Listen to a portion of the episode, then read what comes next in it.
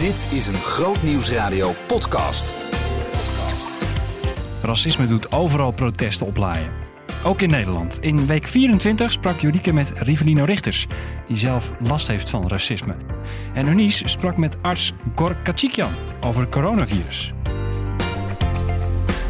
Groot Nieuwsradio podcast. Met Maurits Reinoud. Goed dat je luistert naar de wekelijkse podcast van Groot Nieuws Radio. Je kunt deze podcast beluisteren via Spotify, iTunes, Soundcloud en natuurlijk via de website grootnieuwsradio.nl.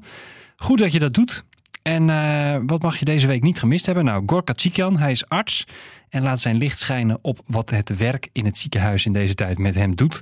Maar ook hoe zijn geloof daar invloed op heeft. Uh, meer erover straks, als je dat nog niet ge ge gezien hebt trouwens. Want op Facebook gaat dat helemaal, uh, helemaal viral, dat interview met Gor. Um, eerst wat anders. De dood van George Floyd doet overal protesten oplaaien tegen racisme. Onder andere in Amsterdam. En Rivellino was erbij. Um, nou de aanleiding was natuurlijk, uh, weet je, de dood van George Floyd. En hoe hij zeg maar gewoon voor het oog van de wereld werd vermoord. Uh, maar ja, veel ook wat daarvoor zeg maar het plaatsgevonden, weet je wel. Uh, ja, racistische moorden of, of, of ja, weet je wel, gewelddadige mishandelingen. maar ook gewoon ja, racisme zeg maar wat onderhuids plaatsvindt. in Nederland op verschillende gebieden. En ik had echt gewoon, nadat ik dit had gezien, had ik zoiets van, ja, ik wil gewoon mijn stem laten horen. En er was een oproep gedaan, weet je wel. Uh, mm. Dus, dus ja, ik besloot gewoon van, ik moet daar naartoe gaan om gewoon me daartegen uit te spreken. Dit was niet, het was niet alleen per se dat je daar was dus om de situatie in Amerika, maar dus ook om echt aandacht te vragen voor de situatie in Nederland. Zeker, want we hebben zeg maar zelfde gevallen zoals George Floyd zeg maar in Nederland gehad. Van een Mitch Henriquez tot en met een, een Tommy, Tommy Holton, weet je, die een maand geleden zeg maar uh, was gearresteerd met veel geweld en een uur later zeg maar uh, overleed zeg maar in een cel in Zwolle. En, en dat heeft eigenlijk weinig aandacht gekregen, weet je. En zo ken ik nog meer gevallen. En wat dan zeg maar opvalt is dat eigenlijk de, de, ja, de agenten, zeg maar, die werden niet echt gestraft of zo. Bijvoorbeeld, weet je, de agenten, zeg maar, die Mitch Enriquez, zeg maar, in een nekklem hebben gehouden, waardoor hij, zeg maar, overleed. Uh, ja, die zijn, zeg maar, anoniem, zeg maar, uh, voorgebracht, zeg maar, voorgekomen in een, in een bunker.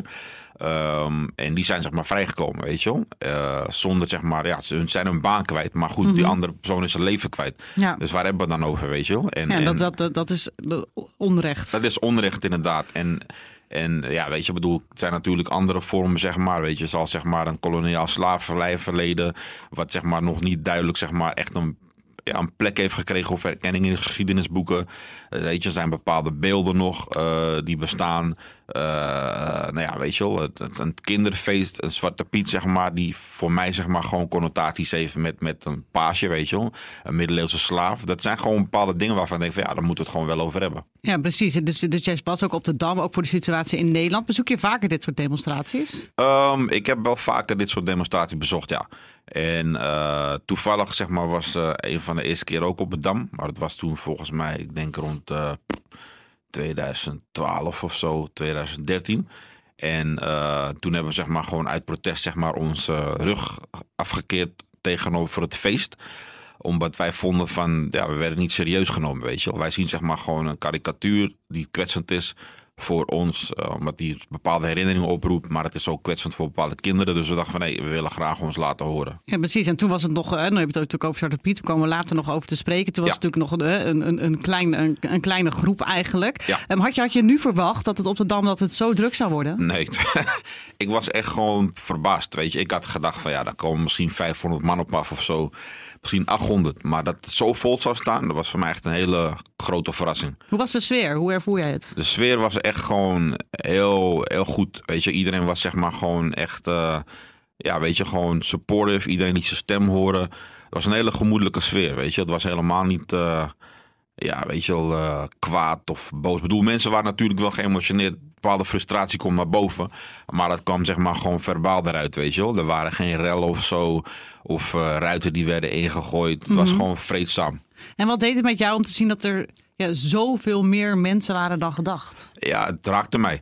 Weet je, want ik zag zeg maar gewoon witte Nederlanders. Ik zag zeg maar, uh, weet je wel, uh, Afro-Caribische uh, Nederlanders. Ik zag, weet je wel, Arabische mensen, Aziatische, gay mensen, LHBTG, weet je wel. iedereen was daar gewoon. En, en ja, het was gewoon ja, gewoon echt bijzonder om te zien. De energie die er was en, en de, de eensgezindheid. Ik was gewoon echt eh, ja, wel trots. Ja? Ja, zeker. Ik was echt trots op ons, omdat ik, ik, ik, ik heb het heel erg gemist, weet je. Ik bedoel, ik ben een kind, ik ben geboren 78, maar ik heb de jaren 80 best wel bewust meegemaakt.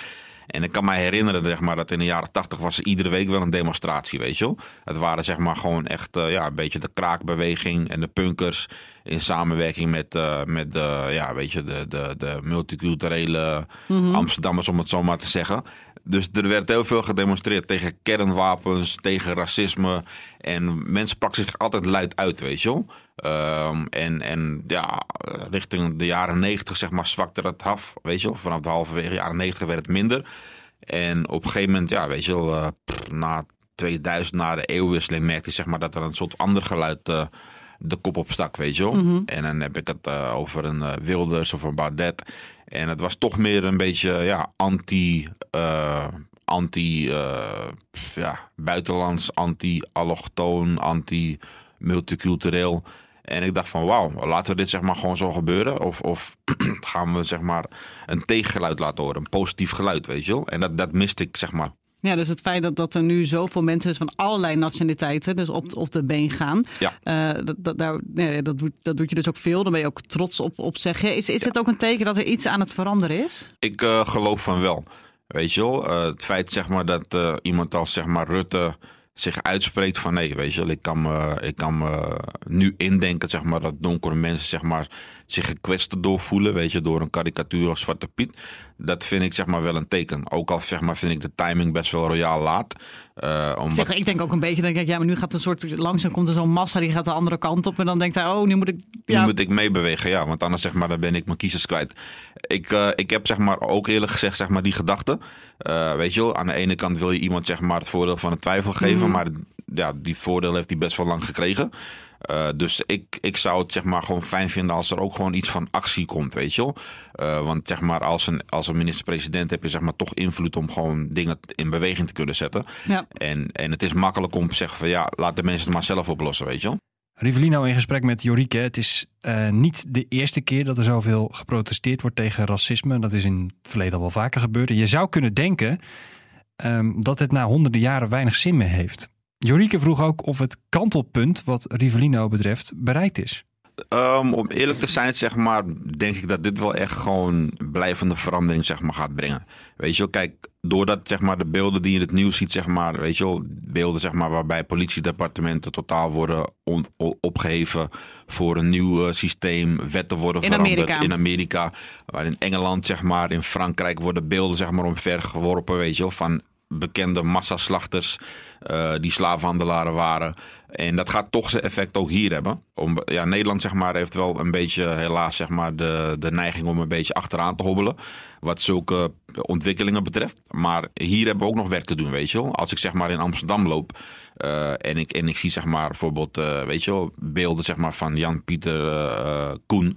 Uh, zeg maar verwerkt in de beurs van Berlage. Denk van wow, dat is best wel heftig, weet je. Want die man, zeg maar, die, die staat erom bekend dat hij gewoon ja, echt super wreed was, zeg maar, met, met mensenlevens. En, en, en gewoon kosten wat kost. Mhm. Mm -hmm. uh, kruiden en, en, en specerijen, zeg maar, uh, wie wilde halen. Uh, ten koste van mensenlevens, weet je. En dan denk van, dat is best wel heftig als je dan zo iemand zo'n ereplek geeft midden in de stad. Ja. Dus het zijn dingen waar gewoon wel over nagedacht moet worden. Van, hé, hey, willen we dit nog? Of moeten we dit een andere vorm gaan geven, weet je wel? Het hele gesprek tussen Rivellino en Jorike kun je terugluisteren via de website grootnieuwsradio.nl. Grootnieuwsradio podcast. Met Maurits Reinoud. En de volgende gast in de podcast kan ik wel introduceren. Maar het is eigenlijk veel leuker om dat even te horen hoe Eunice dat doet. Ja, ik ga even een uh, indrukwekkend lijstje opnoemen. Op één allerlei magazines, Hour of Power met Jan van der Bos, de Beam kerkdiensten. Gisteravond nog NPO Radio 1. Ja, je kan wel zeggen, Gorga Chikyan is, was en is niet van uh, het beeld of de radio af te slaan. In korte tijd is hij als spoedeisende hulparts het boegbeeld geworden van al die hardwerkende mensen in de zorg. Maar ook van ons christenen. Want hij vertelt open en vrij over het geloof dat hem overeind houdt in deze tijd, die hij vergelijkt met een oorlogssituatie. Gor, goedemorgen. Goedemorgen. Ja, er kijken nu al heel veel mensen uit naar dit gesprek. En je hebt nu alleen maar goedemorgen gezegd. Kun je nagaan. Ja, ik kan ook bijna beter zeggen, waar ben je niet geweest? En in maart belde ik jou voor een eh, korte rubriek in dit programma. Even bijtanken. En toen dacht ik, laat ik Gore nog een keer bellen om te kijken hoe gaat het nu. Het is wat rustiger. En toen zat ik daarover na te denken. En toen dacht ik, ja, die paar minuten, dat is eigenlijk veel te kort. Ik moet je langer spreken. Dus ik ben blij dat je ook vandaag hier te gast wil zijn. Um, maar dan toch maar even die vraag, hoe is het nu? Dankjewel voor de uitnodiging. Um, het gaat heel goed met me. Overigens, um, bedankt voor de mooie introductie. Dat, uh, dat waardeer ik. Alleen het komt ook een beetje over alsof ik per se overal wil zijn en overal niet af te slaan ben. Ik zal je eerlijk vertellen, ik heb vaker nee gezegd dan ja. Dus de meeste uitnodigingen ben ik niet op ingegaan. En de reden waarom ik het af en toe wel heb gedaan, is omdat ik heel belangrijk vind om te delen waar we mee bezig zijn in het mm. ziekenhuis. En hoe maak je dan die overweging als je zegt ik heb vaker nee gezegd? Nou, ik heb eerst gekeken de periode waarin men wilde hoe, hoe ik toen ervoor stond. Hè, dat het niet ten koste zou gaan van uh, mijn werk of uh, allerlei andere belangrijke zaken. Dus dat vond ik belangrijk. Maar ook krijg ik, nou ja, krijg ik wel de kans en de ruimte om, te, om echt te kunnen vertellen. Want het valt me ook op dat veel journalisten op zoek zijn en waren naar sensatieverhalen. en, daar, en soms werd er gezegd, wil je dit zeggen? Ja, nee, ik zeg wat ik wil. En als je me dan ja, uitnodigt, dan ga ik gewoon vertellen wat ik wil. Dus zo heb ik een beetje samen met de afdeling communicatie van ons ziekenhuis uh, die, die, keuzes gemaakt. Ja, in je boek, waar we het zo meteen nog over gaan hebben, is dat ook echt wel te lezen hoe je groeit. Bijvoorbeeld als je naar op één gaat hè, met een, uh, een taxi met chauffeur. De eerste keer nog spannend en de tweede keer, nou ja, dan gaat het al bijna helemaal vanzelf. Is een mooi boek trouwens ook. Ik heb hem al eventjes uh, kort kunnen lezen en straks gaan we daarover doorpraten. Um, maar dus de sfeer in het ziekenhuis, daar ben ik ook benieuwd naar. Het was natuurlijk echt, toen ik je belde voor de eerste keer, toen zaten we een beetje aan het begin. Nou, daarna heb jij de situatie omschreven als een oorlogssituatie. Nu is het denk ik wel een stuk rustiger.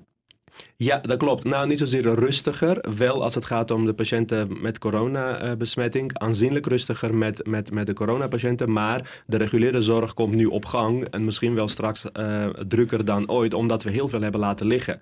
Maar de sfeer is, is goed en het was goed. En de, het woord oorlogssituatie is denk ik alleen maar terecht in het context van de opschaling en de triage. Want wat je dan doet is dat je zoveel patiënten hebt. Dat je niet meer met je gewone zorgprocessen dat aan kan. Dus je moet anders gaan denken en werken. En dat past binnen de acute geneeskunde ja, in, in het straatje van uh, met je ja, rampengeneeskunde, met je oorlogsgeneeskunde. Ja, maar ik kan wel voorstellen dat het zo voelde met zoveel patiënten en die dreiging constant. Een tent buiten waar je je werk moet doen. Ja. Beschermende pakken. Nou ja, uh, vertel je ook allemaal over in je boek. Um, had je trouwens verwacht dat we nu alweer in een iets rustigere periode zouden zitten? Of had, had je ingesteld op een langere periode?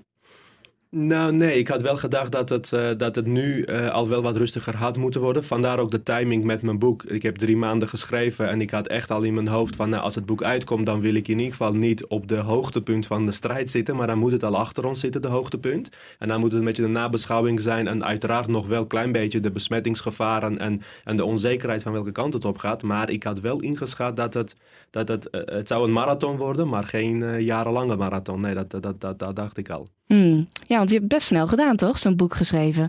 Al over de situatie, terwijl we er nog maar een paar maanden in zitten. Was het dan elke keer een beetje bijhouden of hoe heb je dat gedaan?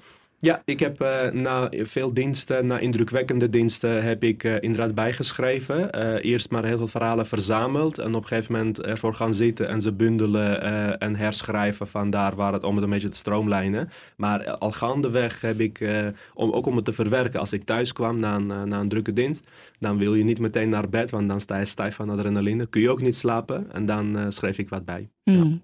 Wat ik me de hele tijd afvroeg, um, en dan wil ik niet inderdaad weer zeggen dat je overal te zien was, maar dan zag ik jou weer ergens en dan dacht ik, waar haalt hij de tijd vandaan? Ja, nou kijk, dat is een goede vraag. Um, ik krijg energie van alles wat ik doe. En anders zou ik het niet doen, eerlijk gezegd. Dus ik heb uh, me juist sterker en fitter gevoeld door uh, met mensen te zijn van wie ik energie krijg. Op plaatsen te zijn waarvan ik energie krijg. Dat is op mijn werk. Maar dat is ook met sommige uh, journalisten of sommige programma's. Dat vond ik ook leuk om te doen. Maar ook bijvoorbeeld Beam Kerkdienst, wat jij aanhaalde. Nou, ik vond het fantastisch om, om zoveel jonge mensen ja, te bereiken met een boodschap van hoop. Dus daar krijg ik energie van. En daarom, daarom zit ik daar ook graag. Ja, dat was natuurlijk ook niet nieuw voor je. Veel mensen zullen je ook kennen als uh, spreker, onder andere via Royal Mission. Um, wat vonden je collega's daarvan? Dat ze je dan uh, inderdaad op die plekken zagen en dat jij hun vertegenwoordigde? De collega's van het werk bedoel je? Mhm. Of, of Royal Mission? Nee, in het Oh, ziekenhuis. in het ziekenhuis. nou, kijk, sowieso Royal Mission vond het fantastisch. En wij hebben natuurlijk ook onze livestreams gedaan. En daar heb ik ook aan bijgedragen om Ja. vanuit Veenendaal hier ook uit te zenden. En in het ziekenhuis, eh, de meeste collega's waren super enthousiast en heel blij. Uiteraard heb je altijd, eh, maar geen director, maar soms eh, misschien wel collega's van andere afdelingen die denken van nou, die jongen is wel erg vaak eh, op de buis. Dat kan, maar goed, dat, daar heb ik dan geen inhoudelijk oordeel over of ik, ik weet niet wat ze dan denken. Maar de, de, sowieso de leidinggevende en, en de directe collega's die zijn heel positief geweest. Hmm. En kreeg je dan van tevoren nog een instructie van dit kan je wel en niet zeggen? Nou, niet zozeer wat ik wel en niet kan zeggen, maar wel zeker een voorbereiding om ook de feiten op een rij te hebben, mocht dat nodig zijn. Dus ja, ik heb ieder eh, eh, programma voorbesproken met de afdeling communicatie en ook met wat collega's om te kijken van wat wil je het land inzenden. Want alles wat je zegt kan ook gekoppeld worden aan je werkgever, dus daar moet je heel voorzichtig mee zijn.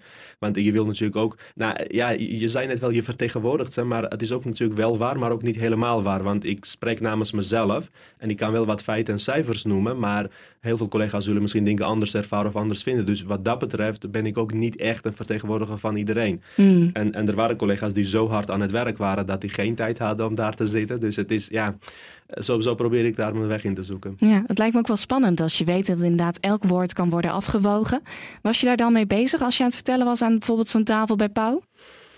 Nee, ik moet eerlijk zeggen, zodra eh, we live gingen, eh, ook al ben je goed voorbereid op dat moment, word je toch gezogen in een, in een interessant gesprek met meerdere tafelgasten. En dan spreek ik uit mijn hart. En later ging ik nadenken of het wel wijs was wat ik zei.